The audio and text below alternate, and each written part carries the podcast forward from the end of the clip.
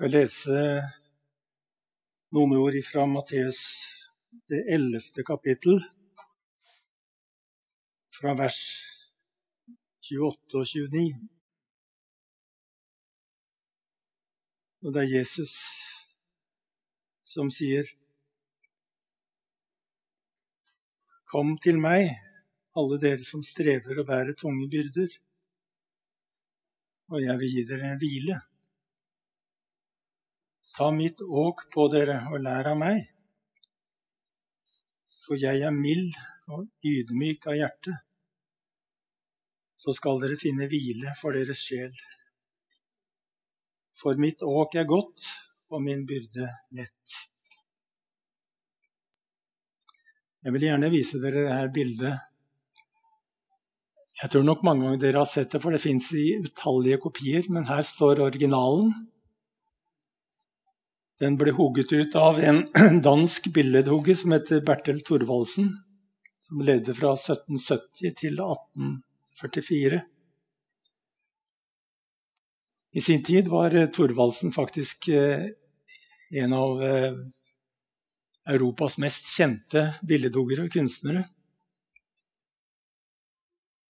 Og denne Kristusfiguren, som jeg nå da viser bare i utsnitt, den eh, står i Vår Frue kirke i København. Og den heter Den oppstandende Kristus. Det er en mektig figur. Den er 3,5 meter høy. Og Jesus står der med sine utstrakte armer. Vi har vært vant til å se Jesus henge på korset, f.eks. Eh, mens eh, den akkurat den gesten som han gjør her, den var ny når Thorvaldsen eh, tenkte den ut. Eh, dere som har vært i København, eh, jeg skal fortelle dere hvor den kirka ligger hen. Hvis du går nedover strøket, så skal du ikke gå ifra Rådhusplassen så skal du ikke gå så veldig langt før du kommer til Gammeltorv. Og når du kommer til Gammeltorv, så hvis du da går en gate som går opp til venstre der, den heter Nørregate, så er det bare et par hundre meter til Vår Frue kirke. Og der står Kristus med hendene utstrakt ved høyalteret. Og på sokkelen til denne figuren, som nå da ikke vises, for da måtte jeg jo legge han, legge han horisontalt. Men på sokkelen så står det 'Kom til meg'. Og nå har Kristus kommet til oss da, her i formiddag. Han eh, strekker ut sine hender, og han sier 'Kom til meg'.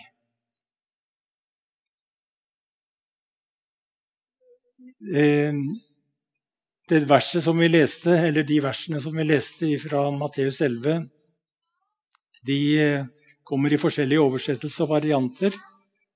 Og The Message har en variant som, eh, som lyder omtrent sånn. Er du trøtt? Er du sliten? Er du utbrent på religion? Kom til meg. Jeg vil gjenopprette ditt liv. Og jeg vil vise deg hvordan du kan finne virkelig hvile. Gå med meg og arbeid med meg, og se hvordan jeg gjør. Og lær deg nådens uanstrengte rytme. Den er ikke helt i samsvar med grunnteksten, men det er en fin formulering, syns jeg. I hvert fall det som står på, denne, på søyla til denne Jesusfiguren 'Kom til meg'. Det er tre ord som fra Jesus er en uforbeholden innbydelse. Det er et uforbeholdent anrop, eller kall, om du vil. Og jeg tenker, og jeg tror at fra hans side så ligger det også en åpenbar lengsel i dette kallet. som f.eks. i Matteus 23, vers 27, hvor Jesus sier, der han ser utover Jerusalem Hvor ofte ville jeg ikke samle dere som en høne samler kyllingene under vingene sine? Eller som en annen oversettelse sier, hvor ofte har jeg ikke lengtet etter å omfavne dere? Og fra vår side da å svare på hans kall, det er å komme til han. Og det er å komme til han med hele vårt liv. Det er å komme til han med hele livets sammensatte og brokete virkelighet. Og nå takker vi Gud for alle velfungerende, trygge folk. Folk som har livet mer eller mindre i vater. Men i hans armer som strekker seg ut, så er det også plass for de rufsete og de mindre velkjemma, for å si det sånn. Og det kan være at vi kommer til ham med tunge byrder. Og det kan være at vi kommer til han slitne og trøtt på religion. Og det kan være at vi tar imot invitasjonen og kommer til Jesus inn i hans armer. Vi kommer til ham med vår synd og med våre sår. Og vi kommer til ham med vår skyld og med våre bindinger. Og vi kommer til ham med vår angst, med vår ensomhet og med våre fristelser. For i hans armer, i hans favn, så er det rom for hele oss sånn som vi er. Og vi svarer på hans kall, og vi kommer til ham med vår vaklende og skrøpelige selvfølelse. Og vi kommer til han med vår umettelige behov for bekreftelse. Og vi kommer med vår arroganse og stolthet også. Og vi kommer med vår avhengighet, og vi kommer med våre diagnoser. Og vi kommer kanskje med ubehandla følelser og ubehandla traumer. Kanskje etter skilsmisse, overgrep eller mobbing. Og under hans vinger, eller i hans favn, der møter vi en ubetinget og ubegrenset aksept og kjærlighet. Og under hans vinger, som han kaller oss inn under, der er det plass til oss alle. Det er plass til oss alle med hele kompleksiteten av den vi er. Og i hans armer får vi også den tiden vi behøver for langsomt å bli lekt og finne hvile hos Han.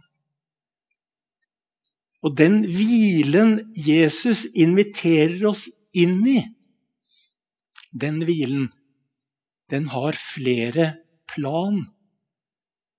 Han kaller oss inn i en hvile som har nyanser.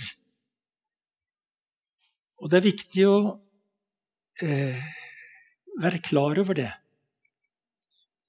Den hvilen som Jesus kaller oss inn i, det er både et sted å lande i, men det er samtidig en vei videre. Det er en hvile som er gitt, men samtidig er det en prosess. Det er en hvile som en gang for alle er lagt ned dypest i vårt hjerte, som en gave Jesus aldri tar tilbake. Og samtidig er det en gave vi hver dag staver på og lengter etter. Den hvilen som Jesus snakker om, det er en hvile som vi på en gang har, og som vi er på vei mot. Det er en hvile som vi fullt ut eier, og ennå ikke. Men i det øyeblikket da vi tok skrittet inn i hans favn, da ble det født en fred aller dypest i våre hjerter, som Jesus kaller en fred som denne verden ikke kan gi. Den ble lagt som et frø. Denne freden ble sådd som et frø i vårt hjerter, og den vokser mens vi er under hans vinger. Og den vokser til den en dag skal omfatte alt. Jesus inviterer oss og tar oss med inn under sitt åk. Et åk vet du, det er en, et, en bære, bærekonstruksjon. Han går sammen med oss i, under dette åket og hjelper oss til å bære alt det vi bærer på. Han bærer våre byrder sammen med oss. Det er det det betyr. Og han bærer våre byrder sammen med oss, også uten at han alltid kommer med løsninger eller forklaringer. Men poenget er han gir rom for oss med alt det vi bærer på. Han gir rom for oss, hver enkelt av oss, til å kjempe, til å glede oss til å gråte, til å juble, til å klage og til å takke. Det er rom for det i hans favn. Det er rom for eventuelt å hyle av sinne. Uten at vi behøver å skjemmes eller frykte. For livet er sammensatt, og livet er motsetningsfullt. Og poenget er det er rom for det. Det er rom for det hele under hans vinger. Noen vers fra Salmenes bok uttrykker denne kontrasten. For eksempel Rop med jubel for Herren, all jorden. Og samtidig Jeg er trett av å klage.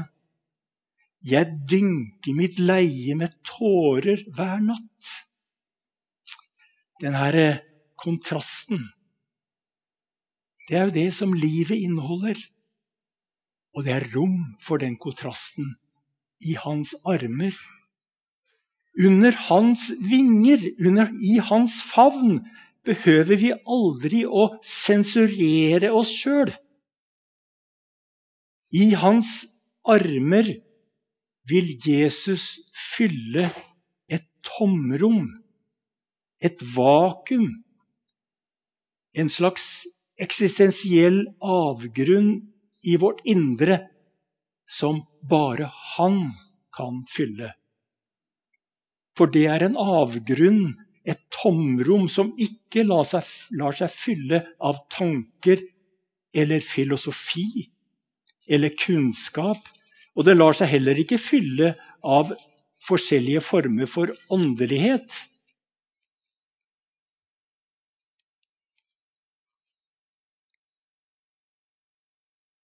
Det tomrommet kan bare fylles i et møte med Jesus, i hans favn, som en levende person.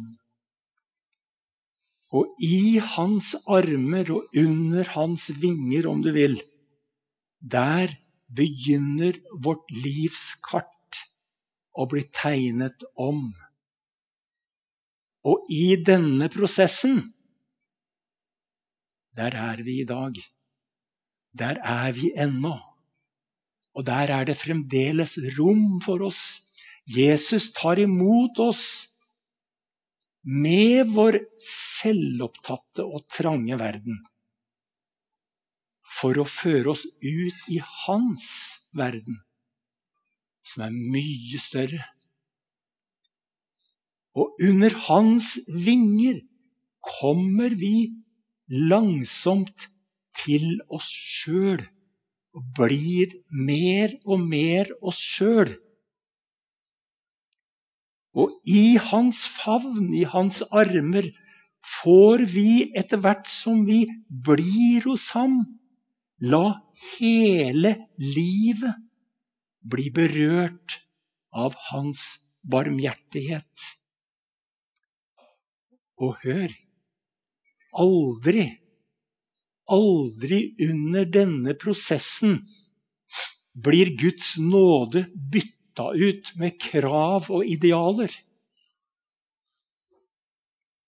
For Jesus kaller oss ikke til prinsipper. Han kaller oss til å kjenne Han. Å følge Jesus, det kan for noen bety et oppbrudd fra å kretse om seg sjøl og være seg sjøl nok. Det kan bety å gi større rom for Gud og for andre mennesker. Men for andre kan det bety å ta bedre vare på seg sjøl. Å sette beina under seg. For vi er forskjellige, og vi har forskjellige behov. Men under hans vinger, der får vi, uansett hvem vi er og hvor vi kommer fra, der får vi kjenne ham og kraften av hans oppstandelse. Og det er denne oppstandelseskraften som virker i vårt liv og gjør oss hele. Derfor syns jeg det er fint å vise Thorvaldsens oppstandelseskristus i dag. I hans favn og under hans vinger blir vi forvandlet, sier Bibelen, ved at sinnet fornyes. Det er altså en forvandling som skjer innenfra, og som varer hele livet. Og det er viktig å vite at i denne livslange prosessen så gir han oss aldri, aldri, aldri opp. Og jeg tror at vi heller aldri må undervurdere rekkevidden av hans armer. I boka 'Forbrytelse og straff' har Dostojevskij skrevet fram et helt knippe med brokete skikkelser. Han har skrevet fram en rekke figurer som alle kommer fra forskjellige slags utenforskap. Figurer eller skikkelser som i ytterste forstand er fullstendig avhengig av Guds barmhjertighet og nåde. Og her i Dostojevskijs skrift så får vi møte bl.a. Marmeladov, Alkoholikeren som bringer skam og fornedrelse over seg sjøl og familien. Og vi møter Sonja, som selger kroppen sin for at ikke småsøsknene hennes skal sulte i hjel. Og vi møter hovedpersonen sjøl, Raskolnikov, som slår pantelånersken og hennes søster i hjel med øks for å skaffe seg pengene deres. Og det som er poenget, er at Dostojevskij inkluderer også dem i Jesu armer. Og han lar altså i skrift i boka da, Jesus få spørsmålet om hvorfor tar du disse til deg? Og da svarer Jesus derfor tar jeg disse menneskene til meg, dere vise og forstandige. Derfor tar jeg dem til meg, fordi ingen av dem noensinne hadde, det, hadde regnet seg som verdige til det. På Thorvaldsens Kristusfigur kan vi skimte naglemerkene, selv om det kanskje ikke er så lett på det bildet her. Men i hendene hans fins naglemerkene. Og Jesaja 49, 16 sier, Se, jeg har tegnet eller risset deg i mine hender. Det er rom for oss alle, hvor vi enn kommer fra, hvor vi enn er, hva vi enn bærer på, hvilke byrder vi enn strever med. Og de merkene som er tegna i hans hender, de går aldri bort.